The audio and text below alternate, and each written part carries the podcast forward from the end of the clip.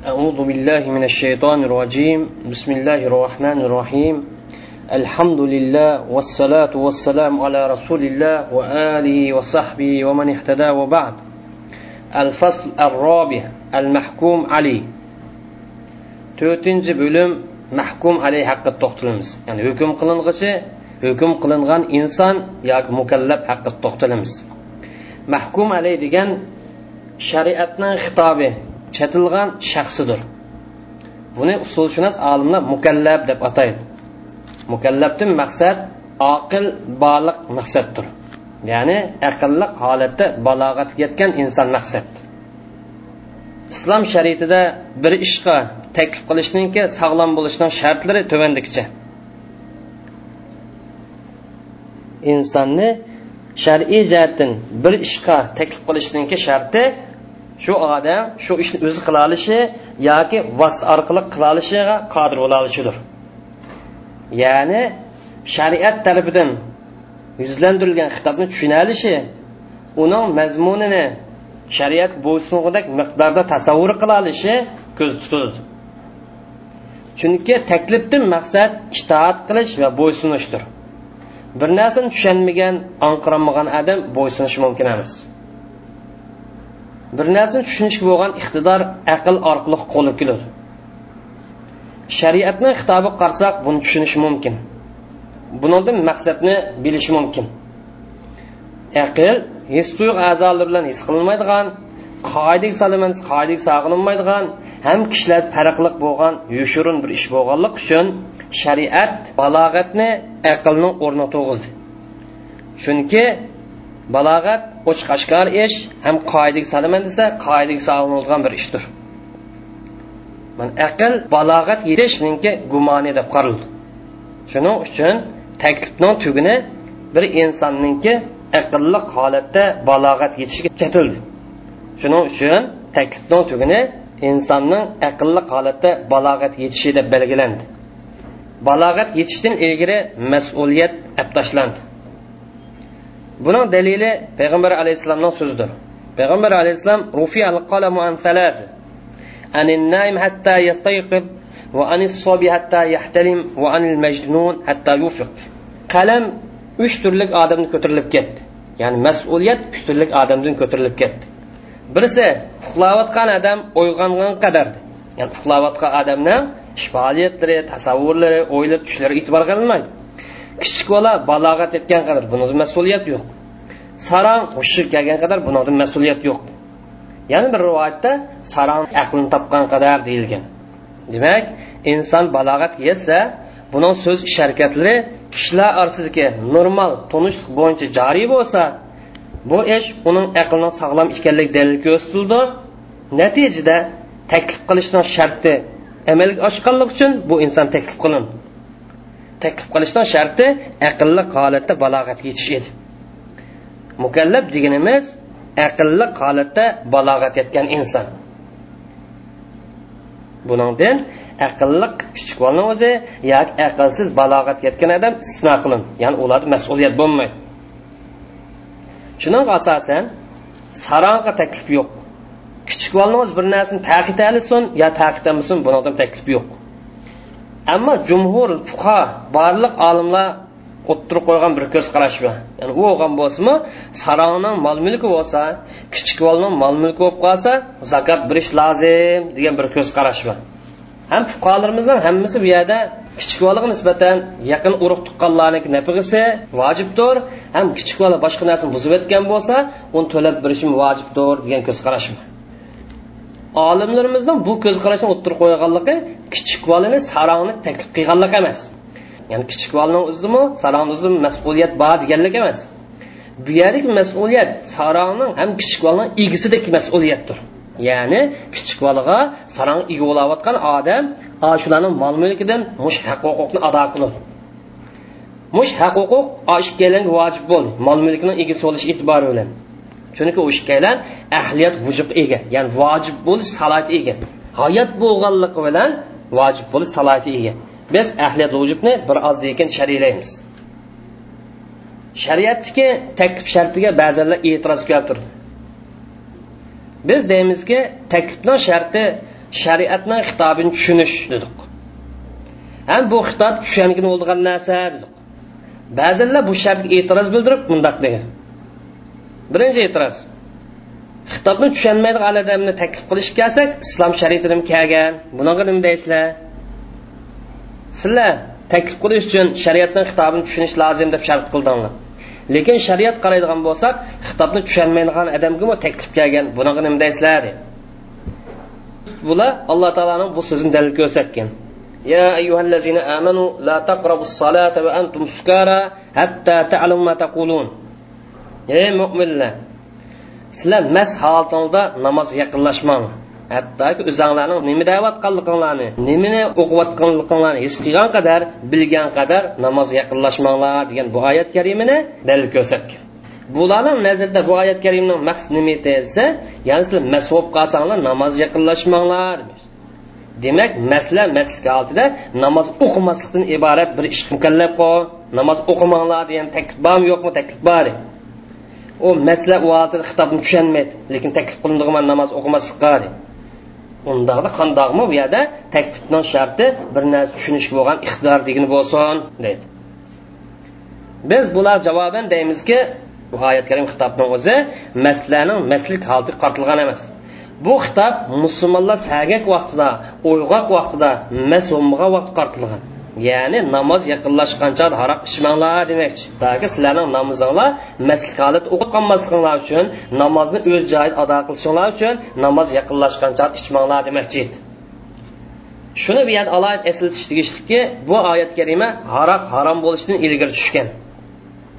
Haroq qur'oni karimdagi bu so'zi bilan harom bo'ldi. Mana qur'oni karimda ya ayyuhallazina amanu innamal khamru wal maysir wal ansab wal azlam rizqun min amali shayton fashtanibu la'allakum tuflihun. Aroq qima buloq cho'qinish pal'oq selish shaytonning nejis ishlari. Bu ishlardan saqlaninglar. Shundoq qilsanglar g'alba qila olasizlar. Ya saqlaninglar degan qat'iy yaqin kelib sanmanglar bunga al i'tiroz as-sani ikkinchi e'tiroz bular islom shariati barliq insoniyat uchun kelgan qonun. Shuni qur'oni karimda qul ya ayyuhan nas inni rasululloh ilaykum jamian. Qur'oni karim bundoq kelgan. Degan ey payg'ambar ey insonlar man hammanglar kelgan elchi degan. Ya'ni qur'oni karim yaxshi qilganlarga yaxshilik bilan bishorat berishing uchun yomon ish qilganlarni ogohlantirishing uchun barliq insoniyatga avatdi yana payg'ambar alayhissalom ham payg'ambar gap qilsa bir millatga xos keladi man barliq insoniyatga umum keldim degan. Hamda arab bo'lmagan boshqa millatlarga qarasak arab tilini tushunmaydiganlar bor. Qur'onning tilini tushunmaydigan kishilar bor. Demak qur'on tilini bilmaganlik uchun arab tilini bilmaganlik uchun bular shariatning xitobini tushunmaydi. Undaqda qandoqmi arab tilini tushunmaydigan kishilarga arab tili bilan xitob qilgan bo'lsin qandoqmi ular mukallabni qatoriga o'tsin demak arab tilini tushunmaydigan kishilar taklif qilganlikni o'zi taklifni sharti qarshi qarshi emasmi? Taklifni sharti xitobni tushunishga iqtidor yetish edi bu yerda qarshilik bormi yo'qmi? degan e'tirozni keltirgan. Biz bu e'tiroz javoban deymizki shariatning xitobini tushunish taklifning sog'lom bo'lishi uchun lozim bo'lgan muhim shartning biz. Chunki arab tilini tushunmaydigan kishilar shar'iy jihatdan taklif qilinmaydi. Lekin ular shariatni xitobini tushunalsa andin taklif bor shariatni xitobini qandoq tushunadi bo'lsak qur'oni karimni tili bo'lgan arab tilini o'rganish orqali tushunadi. Yoki shar'iy nuslarni qur'oni karim yo hadislarni o'zining tiliga tarjima qilish orqali tushunadi. Yoki musulmonlardan bo'lgan ma'lum turkum kishilar arab bo'lmagan boshqa millatlarning tilini o'rganib ularga islomni tushuntirib beradi. Islomni ularga tashviq qiladi. Islom ahkomlarini tanishtirib bu orqali qilib bo'ladi. Ya'ni shariat ahkomlarini tushunishning yana bir yo'li bor. Bu yo'l taqimi afzal. Musulmonlarga vojib kifoya farz kifoya qatori kiradigan bir ish bor ya'ni musulmonlardan bir bo'lik kishilar musulmonlardan bir turkum kishilar arab bo'lmagan boshqa millatlarning tilini o'rganishi ularning orzi islom da'vatini rivojlantirishi ularning orzi islom da'vatini nashr qilishi ularga islom ahkomlarini shular tushunadigan til bilan tabliq qilishi bu farz kifoya. Musulmonlar mush majburiyat sal qarsa hammalan tan gunohkor bo'ladi. Bu farz kifoyaning o'xshashlar bu ishning vojib ekanligi ya'ni musulmonlarning bir turlik odamlarning arab bo'lmagan xalqlarning tilini o'rganib shular islomni tushuntirishning vojib ekanligining dalili tuvandiki dalillardir birinchi dalil. Qur'oni karimda valitakum minkum ummatun yad'una ilal khayri va ya'muruna bil ma'ruf va yanhauna anil munkar. Sizlardan ma'lum kishilar yaxshilik chaqasin amr ma'ruf qilsin nahy munkar qilsin. Mana mushular qalbi qilgan kishilar. Ma oyat karimga qaraydigan bo'lsak musulmonlardan bir turkum odamlar islomning ahkomlarini yetkazsin degan buyruqni o'z ichiga oladi. Boshqalarga islomni yetkazishning unumli bo'lish qanday bo'ladi desa islom boshqalarniki oldida tushunilgan vaqtda aninkani unumli bo'ladi. Ya'ni xitob qilingan kishilarning tili bilan so'zlangan chog'da tabliq qilingan chog'da aninkanidan unumli bo'ladi. Ikkinchi dalil. Payg'ambar alayhissalom farisning podshosi kisro rumning podshosi qaysar habashning podshosi najoshi misrning podshosi muqavqis va boshqalarga maktub yo'llagan. Bu maktubda ularni islomga chaqirgan. Payg'ambar alayhissalom mush kitoblar bilan shu haqlarning tilini bilgan kishilarni avatgan shular maktubni shularni tiliga tarjima qilib bergan. Uchinchi dalil. Hajjatul vido payg'ambar alayhissalom ala halballat allohumma fashhad falyuballighu shahidu minkumul g'oyib farubba muballag'in aw amin sami degan bir gapni qilgan ey alloh man yetkazimmi ey alloh o'zlari guvoh bo'lsinlar. Bu yerga bor kishilar qatnashgan kishilar hozir bo'lgan kishilar tushungan kishilar yo'q kishilar tushungan kishilarga yetkuz. Balkim yetkazilgan kishilar anglagan kishilardan angliqroq bo'lishi mumkin degan. Bu yerdagi shohid degan gapni o'zi islomni tushungan islom ahkomlarini bilgan odamni o'z ichiga g'oyib deganimiz arab tilini bilmaydigan odamni o'z ichiga oladi. Shundoq ham arab tilini bilsimi islom da'vati yetmagan kishilarni o'z ichiga kirdi shunaqa asosan arab tilini bilmaydigan odam topilib qolsa uningga islomninki hujjati islomning dalili o'z tilidan tarjima qilinmasa musulmonlar ularga ashular bildigan til bilan islom ahkomini tanishtirmasa bu inson shar'iy jihatdan mukallaf emasdir ya'ni mas'uliyat tortilmaydi.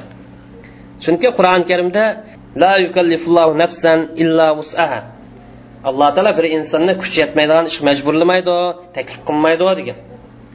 Uchinchi e'tiroz qur'oni karimda tushunmaydigan narsalar bor. Ya'ni surlarning bashiriga bir biriga tutashmagan uzuk harflar. Alif lam mim o'xshash. Qandoq shundoq tursa qur'oni karimda sunnatda tushunilmaydigan narsa yo'q degili bo'lsin degan e'tirozdir.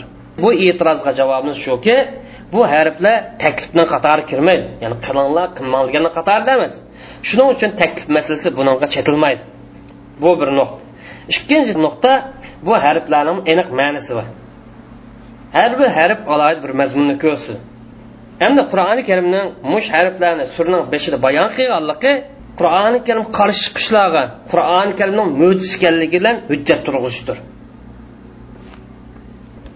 mush harflarni surning beshida bayon qilinganligi islom qarshi chiqishlar hujjat turg'izishdir nima desa mana qur'oni karim bir mo'jiza bu mo'jiz kitob sizlar o'qiydigan sizlar biladigan sizlar yodi biladigan mush harfni o'zini tarkib topdi agar siz nochi olsanglar mushni o'xshash bir kitobni keltiringlar deb qur'oni karimning mo'jiz ekanligini izhor qilish maqsaddir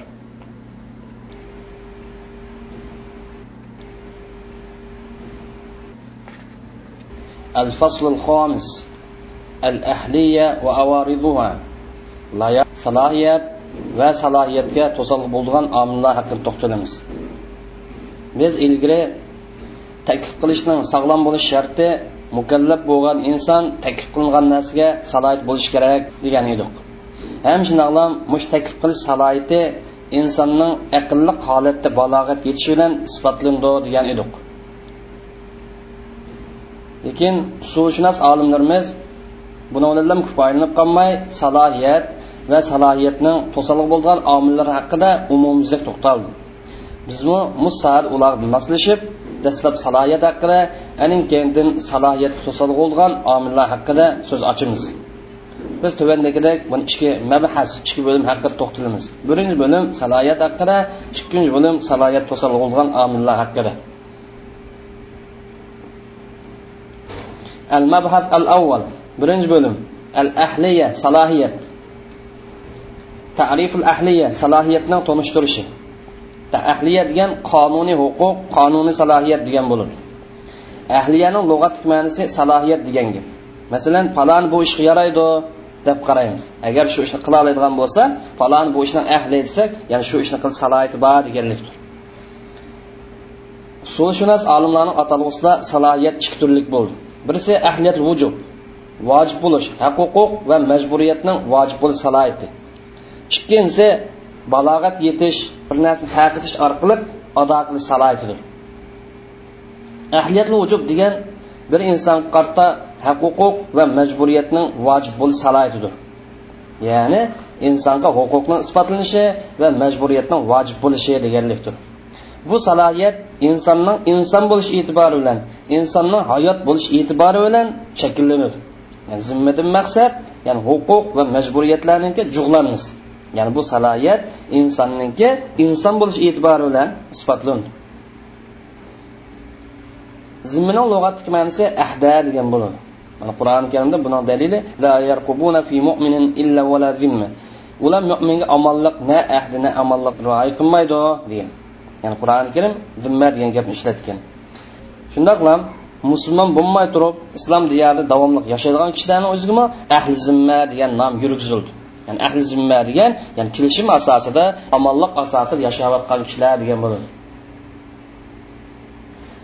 Zimmani islohiy ma'nisi huquq va majburiyat tegishli bo'lgan sifat degan bo'ldi zimmadan maqsad inson qarta huquq va majburiyatningki vojib bo'lishi yoki sifatlanishini ifodalaydigan shar'iy sifat degan mush mazmundan ilib aytgan vaqtida zimma har qanday bir insonga isbotlandi. Ya'ni mas'uliyat har qanday bir inson isbotlan chunki har qanday bir kichik bola tug'ilsa uning huquqi va majburiyat billi bo'ladi.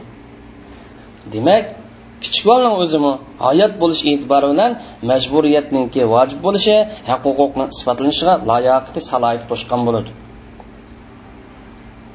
Biz shuning asosan deyalamizki inson ahliyatli vujudning isbotlanishining asosi hayotlikdir insonga ahliyatli vujudning isbotlanishining asosi hayotlikdir ya'ni ahliyatul vujub deganimiz haq huquq va majburiyatning isbotlanishi degan gap. Chunki hayot bo'lishi bilan insonda huquq va majburiyat shakllandi. Shuning asosan ahliyat vujub haq huquq majburiyatning vojib bo'lish salohiyati tiklangan bo'ladi shuning uchun ahliyat vujubdan iborat bu salohiyatning o'zi to'ral bolaga kamchil holatda bo'lsin isbotlandi chunki to'ralmaning o'zi hayotlik bor. Insonning hayoti ahliyat vujudning isbotlanishining asosi bo'lganligi uchun ahliyat vujud insondan umr bo'yi ayrilmaydi. O'lib ketgan qadar ayrilmaydi bilinmaydi usulshunos olimlarning atalg'usida bayon qilingan ahliyat vujudning ma'nisi bugun kunlikda qonunshunos bugun xalqaro qonunda kishilarning nazarida shaxsiy qonuniy qonun huquq deb tunishtirildi. Bu qonun huquq har qanday bir inson bo'ladigan inson bo'lish e'tibori bilan aniq masala.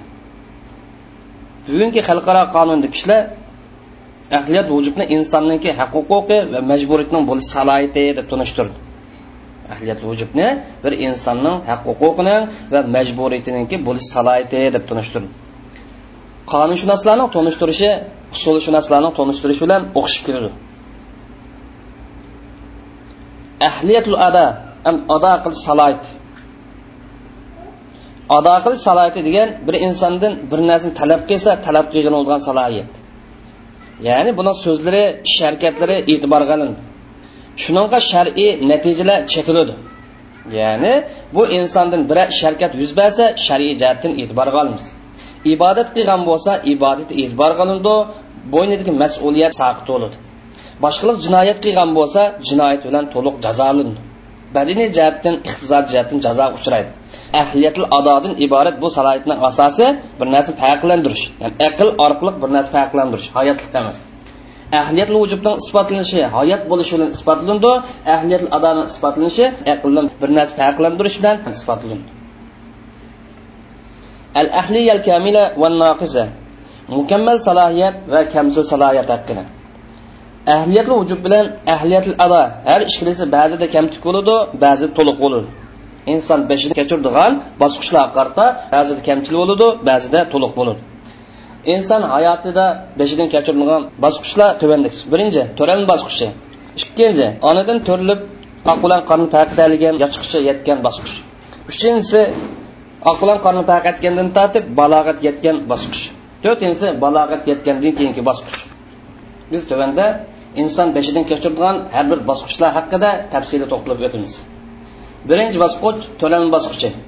To'ralma onaning qo'sqisi bo'lish e'tibori bilan onaning bir partisi onaning muqimlishi bilan muqim turadigan onaning yutkilishi bilan yutkiladigan bir narsa deb qarab qolamiz. Shuning uchun buning huquq va majburiyat yo'q deb hukm chiqarib solamiz. Demak buningdan ahliyat vujub haq huquq va majburiyatning isbotlanishi inkor qilamiz. Ham to'ralmaga mustaqil bir jon bor. Onasidan hayotlikda hayoti ayrim narsa bu.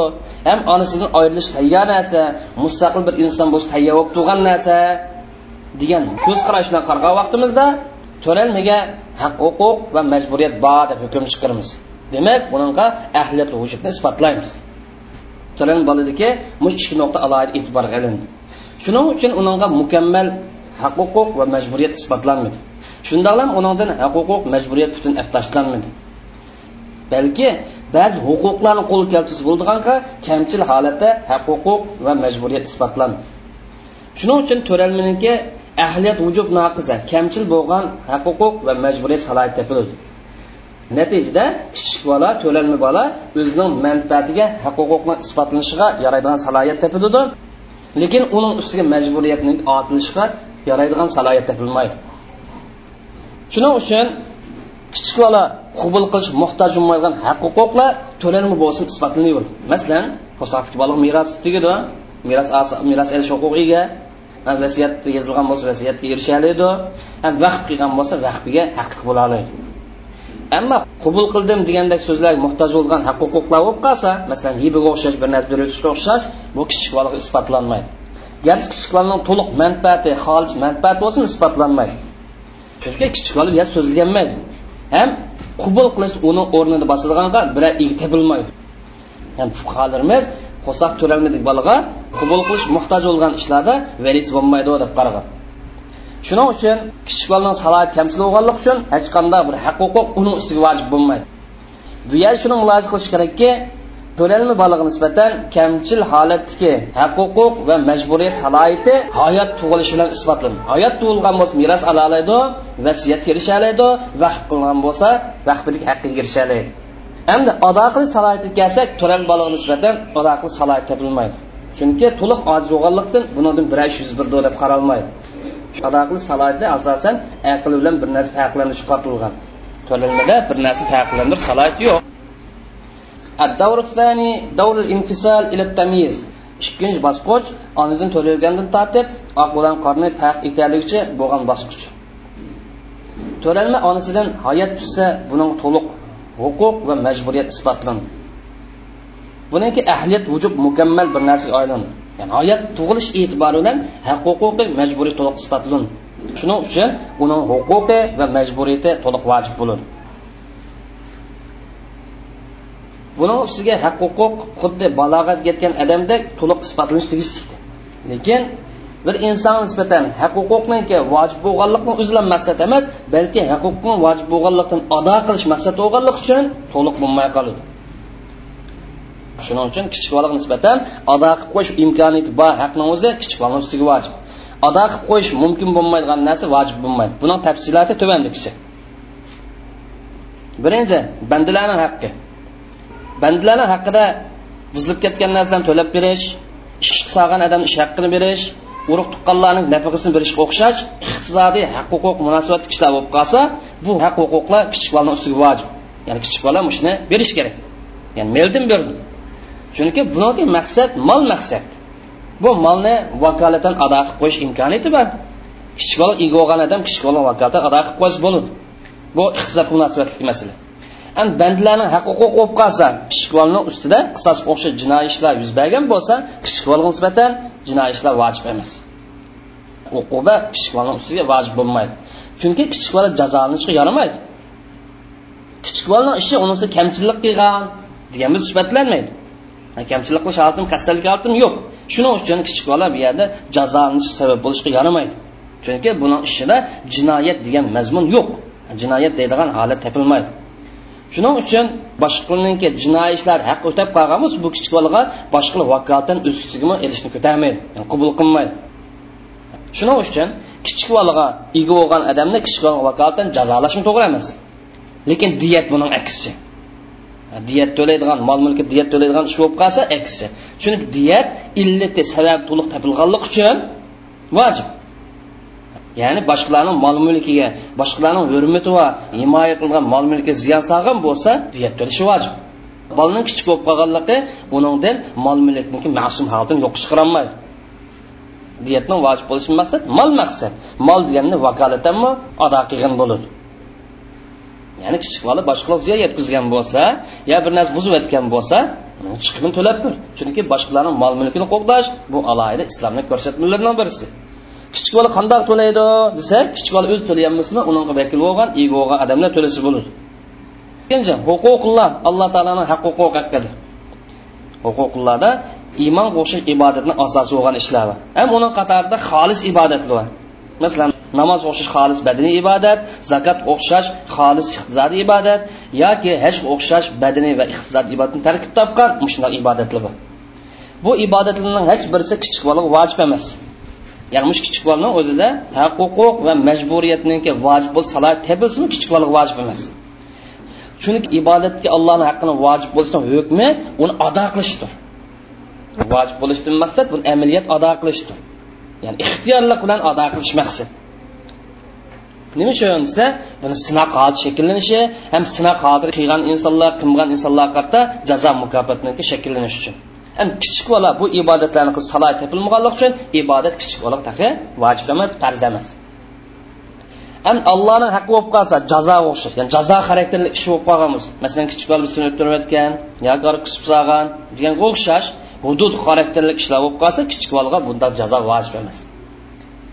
Shundoq bilan bandalarni haqqiga o'xshash yani qisos xarakterli ish jazo yuz bergan bo'lsa bu vojib emas. Chunki kichik bola jazoga tortilmaydi. Ham kichik bolaga vakil bo'lgan odam vakolatdan ko'tarishni qabul qilmaydi. Yani kichik bola esida yo'q boshqa bir bola ziyon solgan bo'lsa u jazolanmaydi. Lekin diyat to'laydi. Ammo ahliyat ado ado qilish salohiyati kelsak kichik bola haqiqat bu bosqich tamoman yo'q. Chunki oq bilan qarni farqlanmaganligi uchun ado qilish salohiyati bilmaydi aql e bilan bir narsa farqlantirish ado qilishning salohiyati. Shuning uchun kichik bola bir narsa ado qilish talab qilinmaydi. Endi kichik bola ahliyat vujub e'tibor bilan haq huquq vojib bo'lgan bo'lsa chunki bu ishlarni valisi uni vakolatan ado qilib qo'ydi. Kichik bolaning ado qilish salohiyati topilmaganligi uchun kichik bolaning so'zlari va ish harakatlariga hech qanday shar'iy hukm shar'iy natija berilmaydi. Shuning uchun kichik bolaning so'z setiqlari va uning so'ziga aloqador qilmishlarining hammasi inovatsiz deb qaraladi mana buni iroqning madaniy qonuni va misrning madaniy qonuni mana bu shunda qara olgan. الدور الثالث دور التمييز إلى البلوغ uchinchi bosqich oq bilan qarin farq etgandan tortib balog'at yetgan oraliqdagi bosqich bu bosqich kichik bolaning yetti yoshga yetgandan tortib balog'at yetishi bilan oxirlashadi bu bosqichda insonga to'liq ahlil vujub huquq majburiyat to'liq isbotlanadi bir narsa ta'kidlanmaydigan kichik bola isbotlangan yerda albatta yetti yoshga yetgan bolaga isbotlanishi taxmi avlodir shuning uchun buni huquq majburiyat isbotlanadi bir narsani ta'kidlanmaydigan kichik bolaning hukmi haqida to'xtalgan huquqning dal o'zi isbotlanadi to'lalgandan tortib bir narsa ta'kidlanguchi bo'lgan bosqichga huquq majburiyat to'liq isbotlanadi ammo ado qilish salohiyati kelsak bu bosqich kichik bolaga ado qilish isbotlanadi lekin ado bo'lgan taqdirda kichik bolani aqli kamchil bo'lganligi uchun ado qilishni o'zim kamchil holat isbotlanadi kichik bola ibodat ishlarini ado qilgan bo'lsa uni adosini to'g'ri qilganishini to'g'ri deb qaraymiz. Lekin kichik bola nisbatan vojib emas. Masalan iymon etish vojib emas badaniy ibodatlarni qilish vojib emas. Ammo kichik bola qilib qolsa to'g'ri. Chunki bu kichik bolaga to'liq buni foyda bor ham kichik bolani ko'ndirish chaniqtirish bor ammo kichik bolaning iqtisodiy muomala iqtisodiy ishlariga kelsak buning tafsilotlari tuvandagicha yetti yoshdan tortib o'n besh yoshgacha bo'lgan kichik bolani o'zi xolis manfaat ishni qilgan bo'lsa masalan boshqalar bergan narsa qabul qilibdi sadaqani qabul qilibdi vasiyatni qabul qilibdi deganda bu ishlarni o'zi kichik boladan to'g'ri deb qoladi egisini yo kichik bola qaraydigan odamdan ruxsat berishiga bog'liq emas. Kichik bola o'zi qilgan mush ishlarni to'g'ri deganimiz bu to'g'ri mumkin ish. Chunki kichik bolada ahliya salohiyatni o'zi kamchilik bo'lsa topiladi. Kichik bolani qilgan mush ishlarni xolis manfaat ish qilgan bo'lsa buni to'g'ri deb qaraganligimizda kichik bolaga naq manfaat bor. Biz bu yerda kichik bolani manfaatini qo'g'dash buyurildik himoya qilish qo'g'dash mumkin bo'lgan kichik bolani manfaatini manfaat rioya qilish buyurildi ikkinchi kichik bola o'ziga xolis ziyonli ishni qilgan bo'lsa ya'ni kichik bola yo boshqalar mol mulkini berib o'tish vaqf qilib o'tish degandek badalsiz mol mulkdan bir narsani chiqib ketishiga aloqador o'sha xolis ziyonli ishni qilgan bo'lsa bu ish kichik bolaning haqqi to'g'ri deb qaralmaydi. Balki bu ish tagidan tartib e'tirof qilinmaydi. Kichik bolaning egisini buni to'g'ri deb ruxsat berolmaydi. Chunki kichik bola ega bo'lgan odam yo qarayotgan odam kichik bolaning bu haqqi bevos qo'l tiqolmaydi shuning uchun ruxsat deyolmaydi. Kichik bola qarash deganlik kichik bola obdan holdan xabar olish uning manfaatini qo'g'dash deganlik. Ham kichik bola ziyonli qilib bo'layotsa uning ruxsat qilganlik bo'lsa kichik bola qaraganlik emas. Uchinchi foyda bilan ziyon atrofida olinib turgan ishlar kelsak masalan ilm satim ijaraga berish iqtisodiy manfaat almashtirish degandek foyda bilan ziyon oraliqida olinib turgan bu ishlar kelsak bu ishlar foyda bilan ziyonni qabul qil yoki sap foydali ishlar emas yoki sap ziyonli ishlar emas. Shuning uchun kichik bola oq bilan qorni taqit oladigan ya'ni yetti yoshdan tortib o'n besh yoshgacha yetgan bolaning o'zi mush sho'dilarni o'zida qilgan bo'lsa bu to'g'ri deb qaraldi chunki bu bolada ado qilish salohiyatning yildiz aslisi bor ya'ni aql ozroq bo'lsin bor. Lekin mush qilgan ishlari egasining ruxsat berishiga bog'liq. Chunki bu bola salohiyat to'liq topilmag'achqa shuni ega bo'layotgan odamning ruxsat berishiga bog'liq. Ega bo'layotgan odam ruxsat bersa kamchilik tuzilindi bu ishni o'zi to'liq salohiyati va odamdan sodir bo'lgandek bo'lib to'g'ri bo'lganning qatorida muomala qilindi. Biz kichik bolaniki ishlari qarta kichik boladan qaysi to'g'ri qaysi to'g'ri emas deb bayon qilgan mush hukmlar kelsak buni iroqning madina qonuni ma'qullagan shuningdek misrning madina qonuni mush qarorni olgan. Ya'ni kichik bolaniki sap manfaat ishlari va sap ziyonli ishlarga islom qonuni o'xshash hukm olgan. Ammo foyda bilan ziyon atrofida oylanib turgan ishlar kelsak bu kichik bolaning manfaati uchun bu ishlarni inovatsiz deb qaragan misr qonuni iroq qonuni foyda bilan ziyon atrofida olinib turgan ishlarni inovatsiz deb qaragan ham inovatsizlik qachon yo'qoldi desa veli kichik bolani egisi mush ruxsat bersa yo kichik bola balog'at yetgandan keyin ilgari qilgan savdan man durust deb qarayman shuni to'g'ri deb qarayman deb ruxsat bersa inovatsizlik tugaydi bo'lmasa inovatsiyalar turaverdi degan. As sag'ir al ma'zun ruxsat berilgan kichik bola. Kichik bola qaragan odam kichik bolaning tijorat ishlarini qilishga ruxsat bas bo'ladi ya'ni kichik bola iqtidor topilsa ruxsat bas bo'ldi chunki kichik bolani ish ko'ndirganlik bu ahvolda kichik bolaning qilgan tijoratlarning hammasi va shunaqa chet chiqishlarni hammasi to'g'ri deb qaraldi chunki bir ishni qilishga ilgari ruxsat berganlik keyin ruxsat bergan o'xshashlan gap. Ya'ni shu ish ruxsat bir bo'lgan degan to'g'ri degan o'xshashlan bir gap.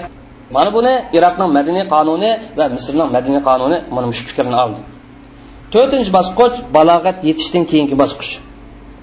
Inson aqlli holatda balog'at yetsa bunga ado qilish salohiyati to'liq isbotlandi. Xitob qartish salohiyatiga erishildi shar'iy takliflarning hammasiga taklif qilindi.